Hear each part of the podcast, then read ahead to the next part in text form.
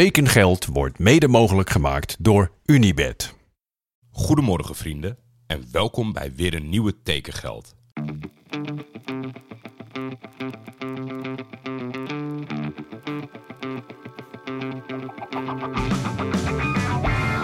Waar gaat Hilterman naartoe?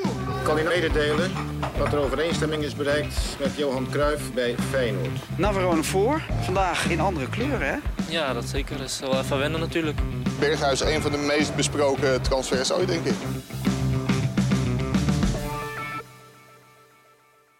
Hoe lang je doet over het in- en uitruimen van een vaatwasser blijft een ding. Mr. Madhouse heeft het getest, 5,5 minuut. Voormalig Twitter-legende Paul Bakkers appte mij vandaag ook in 5 minuten kant en klaar. Dus Jasper, ja, ik kan er ook niks aan doen dat dit blijft hangen bij de luisteraars... en dat ze allemaal de proef op de som nemen. Daarnaast kreeg ik gisteren eh, een DM van Jesper Slierendrecht. En dat bleek een trailer te zijn van een Nederlandse voetbalachtige film. Hij heet De Strijder. Hij is vanaf 21 juli in de bioscoop. Het was wederom een bewijs waarom ik geen trailers kijk. Want ik kan me niet voorstellen dat er nog verrassingen in de film zitten. Zoveel werd er al verteld in de trailer. Uh, speelt een rol. Het gaat voor de rest over jongens die uh, straatvoetballen. En eentje raakt zwaar geblesseerd daarin. Maar ik kon niet helemaal achterhalen waarom Jesper dit nou naar mij stuurde. Ik dacht misschien is hij betrokken bij die film en hoopt hij op een beetje reclame. Nou, de makers hebben in ieder geval mazzel hiermee. Maar het ging erom dat op het, in het laatste shot van de trailer uh, komt er een visual in beeld van het woord strijder. En daar is de E door een 3 vervangen. Dit is toch wel een beetje zo'n ding, net als de mascotte vanuit het verleden, dat aan mij gaat blijven plakken. Het is niet dat ik het allemaal opzoek en uh, ontplof op het moment dat ik het zie. Ik, uh, soms moet ik er echt op geattendeerd worden. Maar ja, lelijk is het natuurlijk wel. Dan niet echt een rectificatie, meer een aanvulling. Ik versprak mij gisteren. Stefan Stefanovic zei ik. Ik weet het ook niet waarom. Ik was klaar met de opnames en ik was bezig met het knippen en plakken van de tekst. En ik denk, ja, Selakovic natuurlijk. Ik kreeg hem uit meerdere hoeken. En dat, ja, ik had niet anders verwacht met al deze championship voetbalmanagers spelende luisteraars. Ik kan me wel goed voorstellen dat zo'n naam tot de verbeelding spreekt. En daarom dacht ik, weet je wat, ik noem gewoon vijf, zes random namen op uit die tijd. Akbar Barson bijvoorbeeld was een groot talent. Kaba Samura, Tonto Solo Mukoko, Mark Kerr, Maxim Tsigalko, rest in peace, Julius Agagoa, Kim Kalstroom. Ja, zo kan je nog wel uren doorgaan. Maar ik denk, ja, voor degenen die het leuk vinden, is toch weer even een uh, warm moment naar het verleden. Vuchteling en Wim die stuurden Nesta bij Parma. Ik denk wat er gebeurd is, is het feit dat als je Cannavaro noemt, noem je Nesta. En daar speelde Nestor Sensini. En zo heb ik het een beetje door elkaar gehusseld. Maar natuurlijk heeft Nesta daar niet gezeten. Dan was er nog een bericht van Lute. En dat is het zoveelste bewijs dat ik niet altijd achteraf weet wat ik nou zeg in die uitzendingen. Hij zegt, hey Jordi, ik liep even achter met luisteren door een weekendje weg. Nou ja, je hoeft je niet te verontschuldigen als je maar gewoon gezellig bijluistert. Hoorde je over Damian van Brugge en je prees de scouting van Almere. Ik dacht direct, die komt uit de Ajax-jeugd en profiteert daar gewoon nog altijd van. Zo is hij, na geen perspectief bij Jong Ajax, ook naar PSV gegaan en toen naar VVV.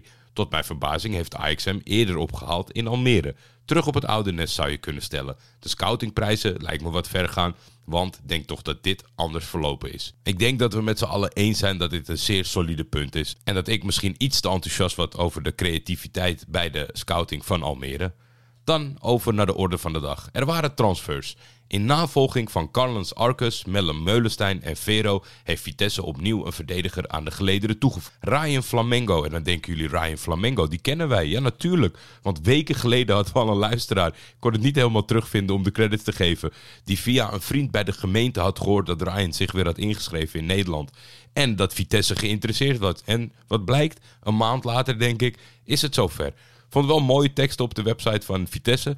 Flamingo is het levende bewijs van dat het in het voetbal snel kan gaan. De Blaricummer begon zijn loopbaan bij BFC in Bussum, kwam al vroeg bij Almere City terecht en tekende daar op zijn 16e al een contract.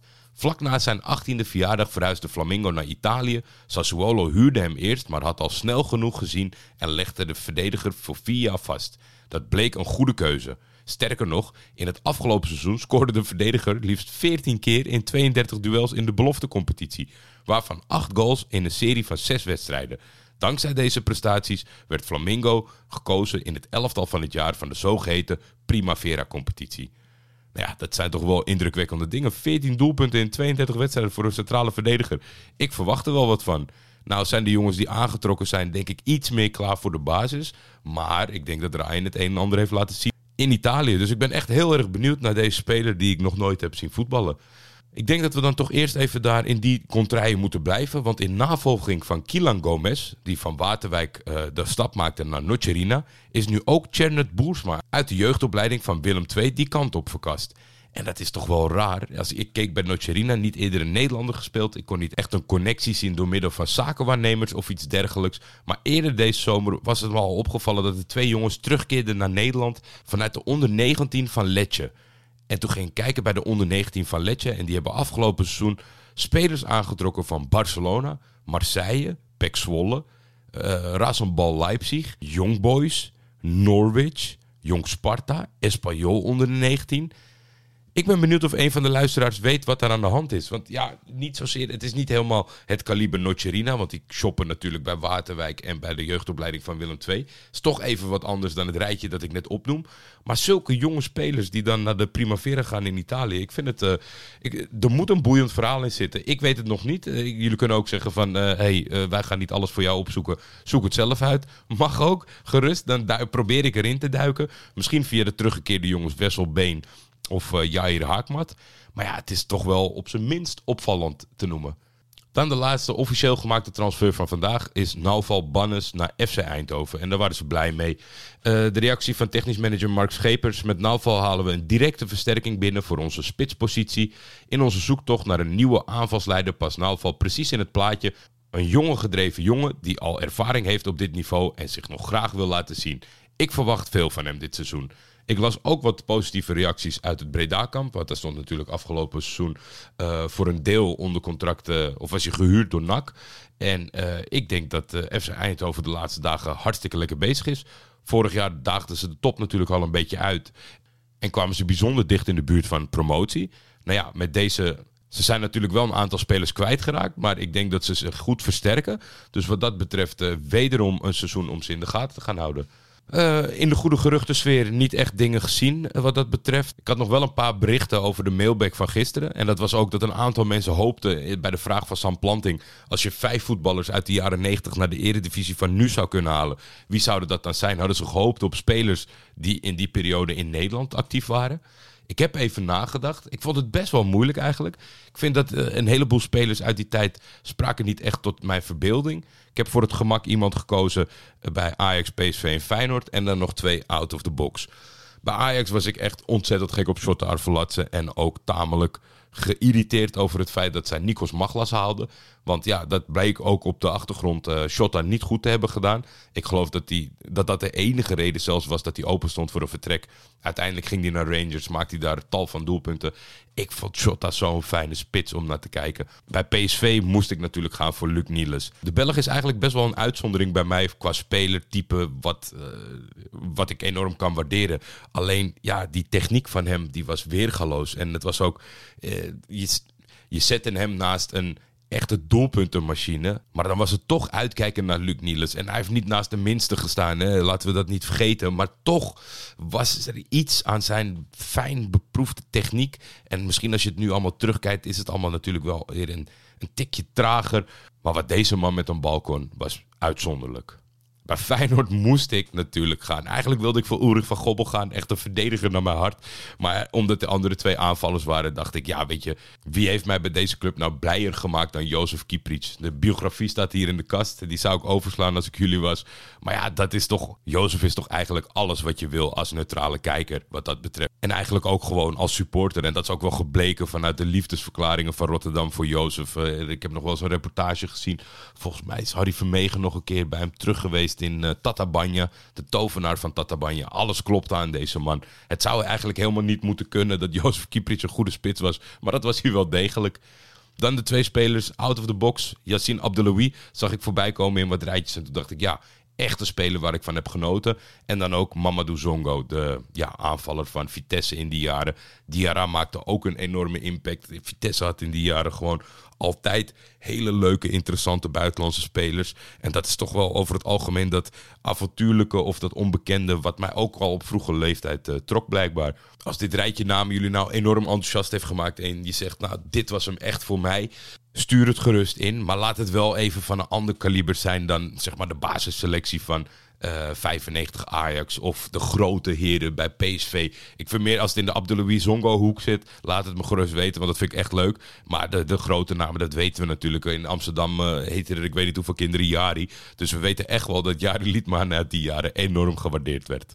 En eigenlijk doen we het natuurlijk alleen in het weekend. Maar omdat er ook vandaag maar drie transfers bevestigd waren, heb ik toch uh, de vraag van Gortelaar meegenomen. En die zegt: Ik ben wel nieuwsgierig voor welke eredivisieploeg je een mogelijk Heracles scenario voorziet.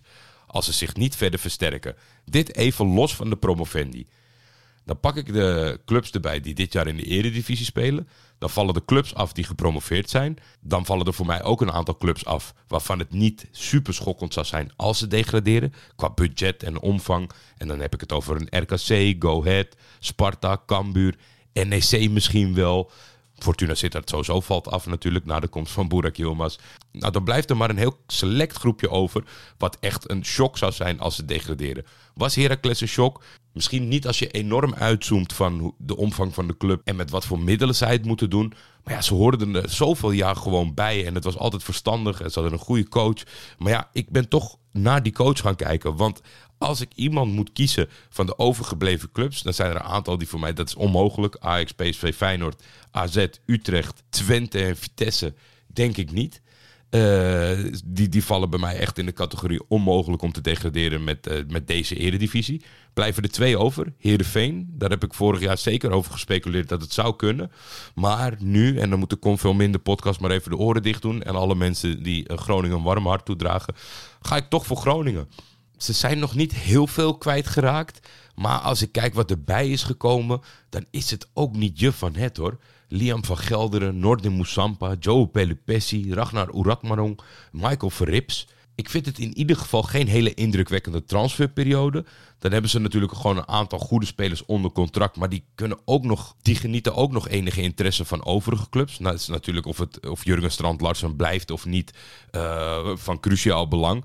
Gaat hij weg, dan is dat voor miljoenen. Maar kan je in deze fase dan nog een aantrekkelijke optie terugvinden? Ik weet het niet. Als ik er één moet kiezen. En het is ook echt niet dat ik denk. De Groningen gaat eruit of wat dan ook. Maar ik dacht, ja, geen antwoord geven is ook niet zo leuk.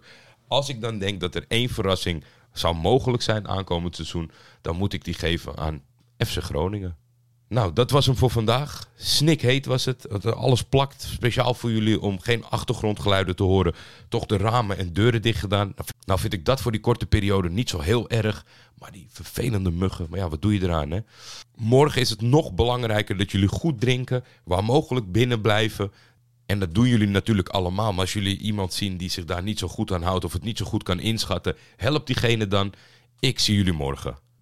Tekengeld is een Schietvogeltje Media original. De intro is van Jacco den Hertog. Voor commerciële vragen en of samenwerkingen kun je mailen naar schietvogeltjemedia.gmail.com.